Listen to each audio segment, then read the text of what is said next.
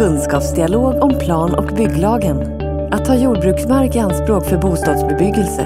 Föredragshållare är Johan Larsson, förbundsjurist på Sveriges kommuner och landsting. Välkomna till Kunskapsdialogen att ta jordbruksmark i anspråk för bostadsbebyggelse. Och tack för att du har valt att lyssna på mig. Jag heter Johan Larsson och arbetar som förbundsjurist på Sveriges kommuner och landsting och då särskilt med juridiken kring markanvändning. Syftet med denna kunskapsdialog är att ge dig en översiktlig introduktion till plan och bygglagens koppling till miljöbalkens hushållningsbestämmelser när det gäller ianspråktagande av jordbruksmark för bostadsbebyggelse. Just denna koppling är ett särskilt intressant område inom plan och byggrätten i och med de potentiella konfliktytorna i form av motstående intressen.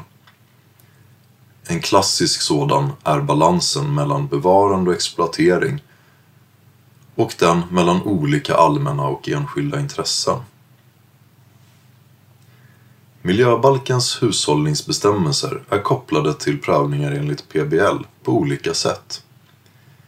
Till att börja med ska kommunen i översiktsplanen redovisa hur allmänna intressen enligt andra kapitlet PBL kommer att tillgodoses vid beslut om mark och vattenanvändning. Det framgår av tredje kapitlet, fjärde paragrafen PBL. En översiktsplan, en fördjupad översiktsplan eller ett tematiskt tillägg till en översiktsplan kan i och för sig fungera styrande vid etableringar inom en kommun. Men de är inte bindande vid en lokaliseringsprövning enligt andra kapitlet. Utan bestämmelserna får först rättsverkan i den enskilda detaljplanen, det enskilda bygglovet eller i det enskilda förhandsbeskedet. Det är också först då som den skarpa avvägningen mellan det allmänna och de enskilda intressena kan göras. Mark och miljööverdomstolen, eller MÖD, har på senare tid dömt av ett antal spännande mål som har berört etablering av bostäder på jordbruksmark. Som utgångspunkt för min kunskapsdialog har jag därför tagit tematiken i Mark och miljööverdomstolens dom den 1 april 2016 i mål nummer 4087 för 15. Jag kommer att behandla och utveckla respektive tema som Mark och miljööverdomstolen tar upp i domen utifrån domstolspraxis som har kommit från MÖD efter denna dom. Det ursprungliga målet gällde förhandsbesked om bygglov för ett enbostadshus och i domen går domstolen igenom alla rekvisit, eller förutsättningar, enligt tredje kapitlet fjärde paragrafen miljöbalken och hur bedömningen relaterar till avvägningen mellan e- allmänna och enskilda intressen enligt plan och bygglagen. Utgångspunkten enligt tredje kapitlet fjärde paragrafen miljöbalken är att, och nu läser jag till. Brukningsvärd jordbruksmark får tas i anspråk för bebyggelse eller anläggningar endast om det behövs för att tillgodose väsentliga samhällsintressen och detta behov inte kan tillgodoses på ett från allmän synpunkt tillfredsställande sätt genom att annan mark tas i anspråk. Det finns alltså ett krav på alternativ lokalisering. Av denna text framgår ett antal förutsättningar som jag nu kommer att belysa med utgångspunkt i den senaste tidens domstolspraxis från Mark och miljööverdomstolen. Det har framgått att en första fråga är om det överhuvudtaget är så att den aktuella, eh, det aktuella ärendet avser brukningsvärd jordbruksmark. Mark och miljööverdomstolen delar upp prövningen av detta rekvisit i två delar. Till att börja med måste vi utreda vilken mark som överhuvudtaget är jordbruksmark.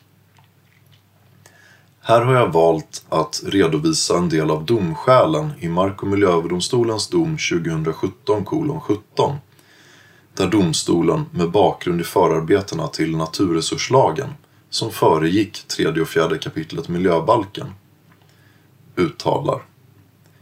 Med jordbruksmark avses åkermark och betesmark som ingår i fastighet som är taxerad som lantbruksenhet med hänvisning till 12 kapitlet 7 paragrafen miljöbalken. Sådan mark är brukningsvärd om den med hänsyn till läge, beskaffenhet och övriga förutsättningar är väl lämpad för jordbruksproduktion.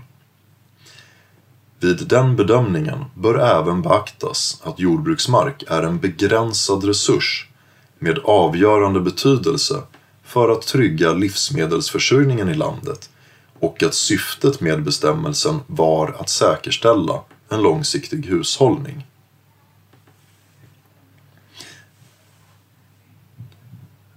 Den här delen av Mark och miljööverdomstolens domskäl kan alltså användas för att avgöra om det är fråga om jordbruksmark i det enskilda fallet.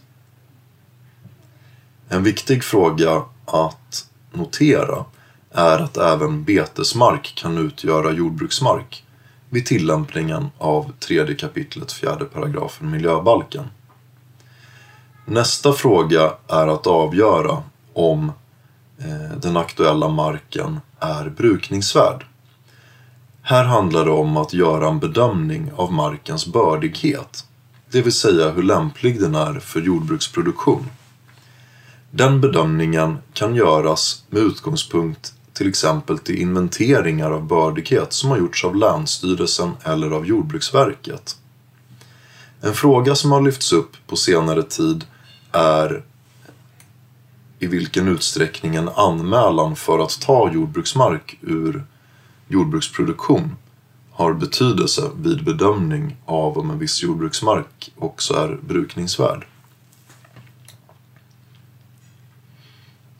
Här uttalar Mark och miljööverdomstolen att kravet på en anmälan till Länsstyrelsen för att få ta jordbruksmark ur jordbruksproduktion är fråga om en bestämmelse av rent administrativ karaktär som bara syftar till att ge samhället information om användningen av värdefull jordbruksmark och därmed också en möjlighet att agera.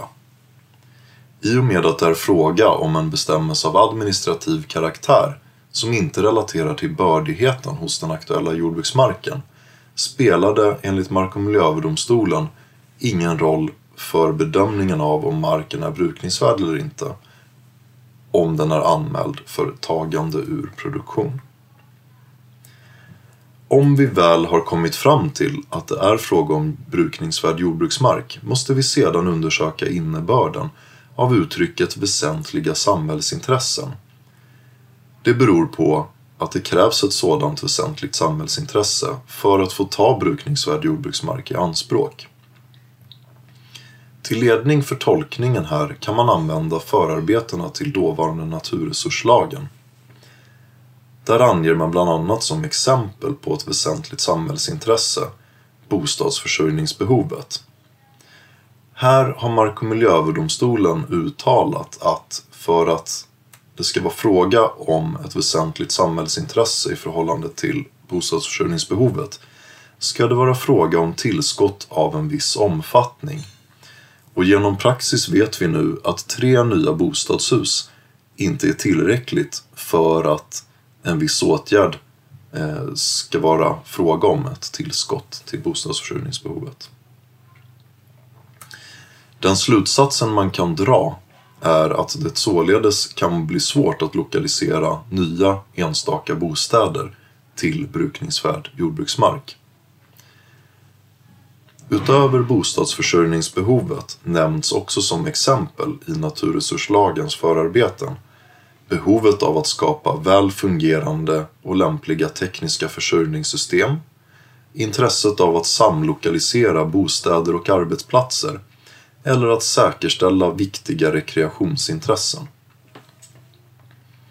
Inledningsvis nämnde jag att bedömningen också ska innefatta en utredning av om det är möjligt att skapa en alternativ lokalisering. Eller annorlunda uttryckt, en alternativ lokalisering inte är lämplig eller möjlig. Annorlunda uttryckt handlar det om att behovet av bostäder då inte kan tillgodoses på ett från allmän synpunkt tillfredsställande sätt genom att annan mark än den brukningsvärda jordbruksmarken tas i anspråk. Här avses att den alternativa lokaliseringen ska vara tekniskt och funktionellt lämplig samt även ekonomiskt rimlig. Vid bedömningen av om det är möjligt med en alternativ lokalisering blir översiktsplanen och utredning i, i ett eh, eventuellt detaljplaneärende väldigt viktig.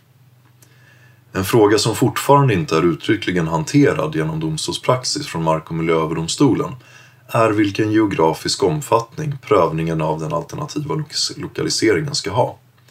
Är det den aktuella tätorten som i sin helhet är omgiven av brukningsvärd jordbruksmark eller ska bedömningen avse hela kommunen?